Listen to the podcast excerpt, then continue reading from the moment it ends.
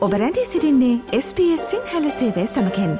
වැඩිතුර තොරතුර දැනැනීමට පිවිසන්න ps.com.ta/ Sinhala වෙපඩවයට SBS SBS SBS SBS SBS SBS Radio.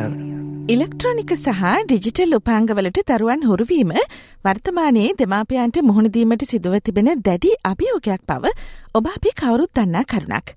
අද කාලීන තොරතුර විග්‍රහයෙන් අපගේ විමසුම් ඇස මේ වෙත යොමුවෙනවා. ස්වභාවධර්මය සමඟ ගැටෙන ක්‍රියාකාරකම් සමගින් එලිමානය ගතකරන කාලය වැඩිකිරීම මකින් ළමුන් ඩිජිටල් තිර සමගින් සම්බන්ධව සිටින කාලය හා සම්බන්ධ ළමා හැසිරීම් අඩුකිරීමට උපකාරී වේදැයි ඔස්ට්‍රේලියාවේ ඩීකින් විශ්වවිද්‍යාලයේ අධ්‍යයනයක් මගින් මේ වන විට විමර්ශණය කරමින් සිටිනවා. එවගේම නිසෞත්වේල්ස් විශ්වවිද්‍යාලයේ පරීක්ෂණයකට අනුව දෙමාපියන්ගෙන් සියට හැත්තැ තුනක් සිතන්නේ තමන්ගේම ඩිජිටල් හෝ ඉලෙක්ට්‍රොනික උපාංගයක් තබා ගැනීම මගින් දරුවාගේ ඩිජිටල් පුරුදු පාලනය කිරීම දුෂ්කර බවයි. මේ සමික්ෂණ මගින් හෙළිවෙන වැඩිතුර තොරතුරු පිළිබඳවයි අද අපේ කාලීන තොරතුර විග්‍රහයෙන් අවධානය යොමුවන්නේ.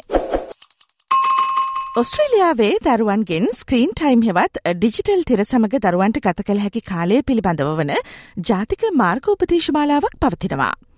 ඉන් නිර්දේශකොට ඇති පරිදි වයිසවුරුදු දෙකට අඩු දරුවන්ට ස්ක්‍රීන් ටයිම් එකක් නැහැ. වයිසවුරුදු දෙකත් පහත් අතර දරුවන්ට දිනකට පෑ එකකට වඩා ස්ක්‍රීන් ටයිම් එකක් ලබා නොදිය යුතු බවත් වයිසවුරුදු පහත් දාහතත් අතර වයසේ පසුවන කුඩා දරුවන්ට සහ තරුණු දරුවන්ට දිනකට පෑ දෙකකට වඩා විනෝධාත්මක ක්‍රියාකාරකම් සඳහා ඩිජිටල් උපාංග භාවිත කිරීමට ඉඩ ලබා නොදිය යුතු බවත් ඉන් නිර්දේශකොට තිබෙනවා. අපි දැන් මේ අත්දැකීම විදින මවකගේ අදහස් විමසා පළමු. ටෑෂ් ඩවලින් කියන්නේ නිවසෞත්වේල්සි උතුරු වෙරල තීරේ බෙලිංජන්හි ජීවත් වන මවක්. ඇ පවසන්නේ තමන්ගේ පුතා තදින්ම ඩිජිටල් උපාංග සමඟ කාලයකත කිරීමට ඇබැහිවී ඇති බව ඔහුට වයසවුරුදු දාසය පමණ වන විට තමා මුලින්ම නිරීක්ෂණය කළ පවයි.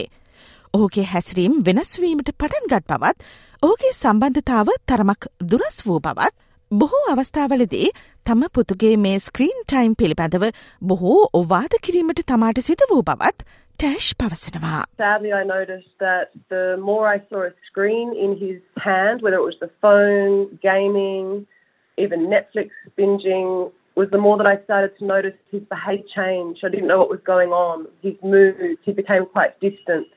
And we started arguing a lot about screen time. where we used to not really have arguments about anything. It became the main issue in the house.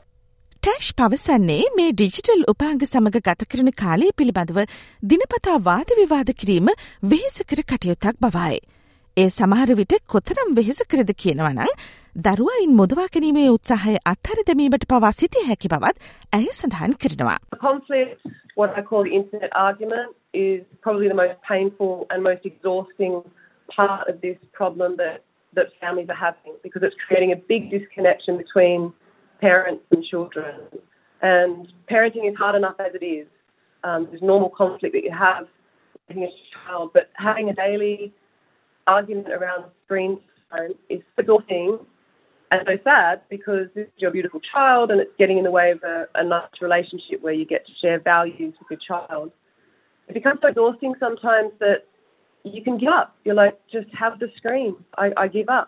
ඇතින්ම මේ අත්දැකීම ටෑෂ්ට විතරක් නෙවෙයි අපට දැන් සවන් දෙමින් සිටින ඔබටත් මේ බොහෝ විට පොදු අත්දැකීමක් වෙන්නට පුළුවන්. අපි දැන් බලමු මේ සම්බන්ධව අලුතෙන්ම සිදුකොට ඇති පර්ේෂණ මගින් හෙළිවන කරුණු මොනවද කියලා. නිවසෝත්වේල්ස් විශ්වවිද්‍යාලයේ ගොන්ස්කී අධ්‍යාපන ආයතනය විසින් සිදුකරපු පර්ේෂණ වාර්තාවකට අනුව ඔස්ට්‍රලියාවේ සිටින ළමුන් පස් දෙනෙකුගෙන් හතර දෙනෙකුටම අඩුම තරමින් එක් ඩිජිටල් උපාංගයක් හෝ ඇති බව සොයාගෙන තිබෙනවා. වයිසවුරුදු හතරක් තරම් කුඩා තරුවන්ට ඔස්ට්‍රලියාවේ ඩිජිටල් උපාංගයක් ඇති බවත් මේ වගේ ඩිජිටල් උපාංගයක් නොමැතිව තමන්ගේ දරුවාට දවසක් හෝ ගත කළේ හැකියයි හැඟෙන්නේ දෙමාපියන්ගෙන් සියයට හතලිස් හයකට පමණක් බවත් මෙම පර්ේෂණ වාර්තාව මගින් හෙළිකොටගෙන තිබෙනවා. ඉතින් ඩේකින් විශ්වවිද්‍යාලය විසින් මෙම කරුණු සැලකිලට අරගෙන දරුවන්ගේ ස්ක්‍රීන් ටයිම් සහ සම්බන්ධ චරයාත්මක ගැටලු සමනය කිරීමට ස්වාභාවික පරිසරය සමගින් ගත කරන කාලය උපකාරීවේදැයි විමර්ශණය කරන අධ්‍යයනයක් මේ වන විට දෙයක් කොට තිබෙනවා. මේ සමීක්ෂණය අධීර තුනකින් යුක්ත අන්තර්ජාතික සමීක්ෂණයක්. එහි ප්‍රධානත්වය දරන්නේ ආචාර්ය උපාදී පරේෂිකාවක් වන මරීනා ටෝචින්ස්කේ. මරිනා මෙහෙම කියනවා. මෑත අධ්‍යයනවලින් අපතුට එක් දෙයක් නම් දෙමාපියන් නිවසේ ඩිජිටල් උපාංග සමගින් ගත කරන කාලය කළමනාකරණය කර ගැනීමට උත්සා කරන විට එය පවුල් පරිසරය උඩු යටිකුරු කරන සටනක් ලෙසට ඔවුන්ට දැනීමයි. නිවසේ මෙම ස්ක්‍රීන් ටයිම් සීමා කිරීමේ පුරදු බොහෝ විට පවුල් ගැටුම් සමග සම්බන්ධ වන බවත් ඇය වැඩිදුරටත් පවසනවා. Um, and these screen limiting practices in the home um, are often associated with family conflict. So we were really interested in looking at ways that we could support and empower parents with some solutions to help them uh, navigate some of these issues. මෙම ගොන්ස්ටි institute වාර්තාවෙන් පෙන්නුම් කරන තවත් දෙයක් තමයි දෙමාපියන්ගෙන් සියට හැට පහක් තාක්ෂණය භාවිත කිරීම නිවසේ ගැටුම් ඇතිකරන බවට එකඟ වේ තිබීම. එහෙමනම් පවුලක් විදිහට වැඩිපුර එලිමහනේ සිටීම මගින් සිදු කරන ක්‍රියාකාරකම් තුළින් මේ ගැටුම් අවම කරගන්නේ කොහොමද. ඒ ගැන මේ පර්ේෂණයේ ප්‍රධානිත්වය දරෙන මරිනා සඳහන් කරන්නේ මෙහෙම. There is a distinct line of research එලිමහන් ක්‍රියාකාරකම්වල නියැලීමෙන් දරුවන්ගේ මානසික සහ ශාරීරික ආතතිය අඩුවීම සහ ළමුන් සඳහා චිත්තවේකීය නියාමනය වැඩිදියුණුවීමාදී සිදුවෙනවා. ඒ හේතුව නිසා දරුවන්ට ඉලෙක්ට්‍රොනික තිරමත පදනම් වූ ක්‍රියාකාරකම්වලට වඩා එලිමහන් වේලාව තෝරා ගැනීමට ඔවුන් දිරිමත් කළ හැකි ධනාත්මක පවුල් අත්දැකීම්ද ඇති බව අපට පෙනී කියා. මරිනා ටෝචින්ස්කි මේ පිළිබඳව අදහස් දක්වමින් එසේ පවසනවා. encourage them to um, choose outdoor time over indoor sedentary screen-based activities. මේ තත්ත්වය පිළිබඳව අදහස් දැක්වීමට අප සමග මීළඟට සම්බන්ධ වූයේ ලුසී පැටන්.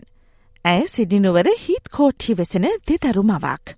ඇය තම පුතුන් සඳහා ස්ක්‍රීන් ටයිම් වෙනුවෙන් නිශ්ිත කාලසීමාවක් නියමකොට ඔවුන් සමඟ වැඩිවේලාවක් එලිමානය ගත කිරීමට ක්‍රියාකොට තිබෙනවා. තම තරුවන් වැඩි කාලයක් එලිමානය ගත කරන විට ඔවුන්ගේ හැසිරීමේ ධනාත්මක වෙනසක් දුටු පව ලුසී පවසනවා. They're much calmer. They're kind of more satisfied, that kind of physically and mentally more calm. They're less aggressive. I find that yeah, if they have too much screen time, that you know they've got that sort of more tension building up. If he comes in from school, sometimes he's like, "Oh, I'm tired. You know, I'm too tired to go for a ride or something like that." You know, relax, watch some TV, watch some YouTube, whatever it is, just relax. And then I find that actually he, his energy comes back and it comes back in a really sort of hyperactive way. You know, because he's been looking at the screen. Whereas on the days when he does just go out and ride, that energy is exerted and he comes home, yeah, just much more calm. ඔබගේ දරුවාගේ digital උපාංග භාවිත කිරීමේ කාලසීමාව අඩු කිරීම සඳහා ඔබ භාවිත කරන ඔබගේ අන්තර්ජාල සේවාව මගින් සපයා ඇති පහසුකම් පිළිබඳව දැනුවත් වී සිටීමත් ඉතාමත්ම වැදගත්. ඔස්ට්‍රලියාවේ විශාලතම විදුලි සංදේශ සේවා සපයන සියලුම ආයතන මකින් මෙම ස්ක්‍රීන් ටයිම් සීමා කිරීම සඳහා විවිධ විශේෂාංග හඳුන්වාදී තිබෙනවා.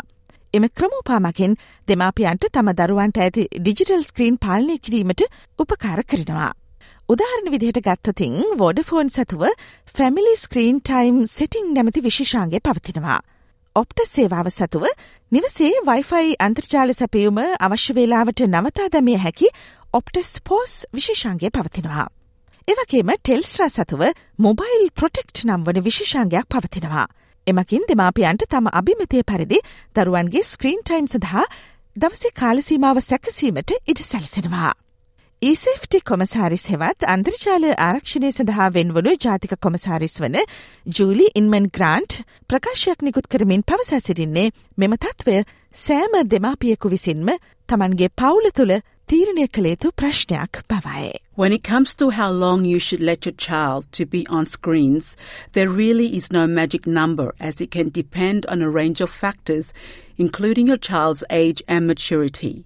the kind of content they are consuming, their learning needs, and your family routine. It can be easy to focus only on the clock, but the quality and nature of what they are doing online and your involvement are just as important. Like most things, striking a balance is key, and you should consider your child's screen use in the context of their overall health and well being.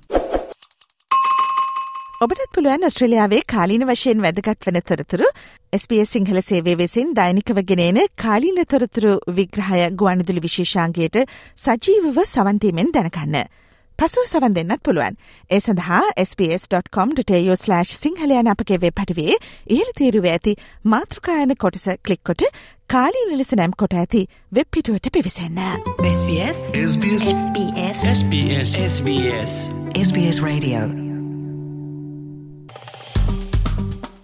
like කරන්න share කරන්න අදහස් ප්‍රකාශ කරන්න SBS Sinhala Facebook පිටුව follow කරන්න.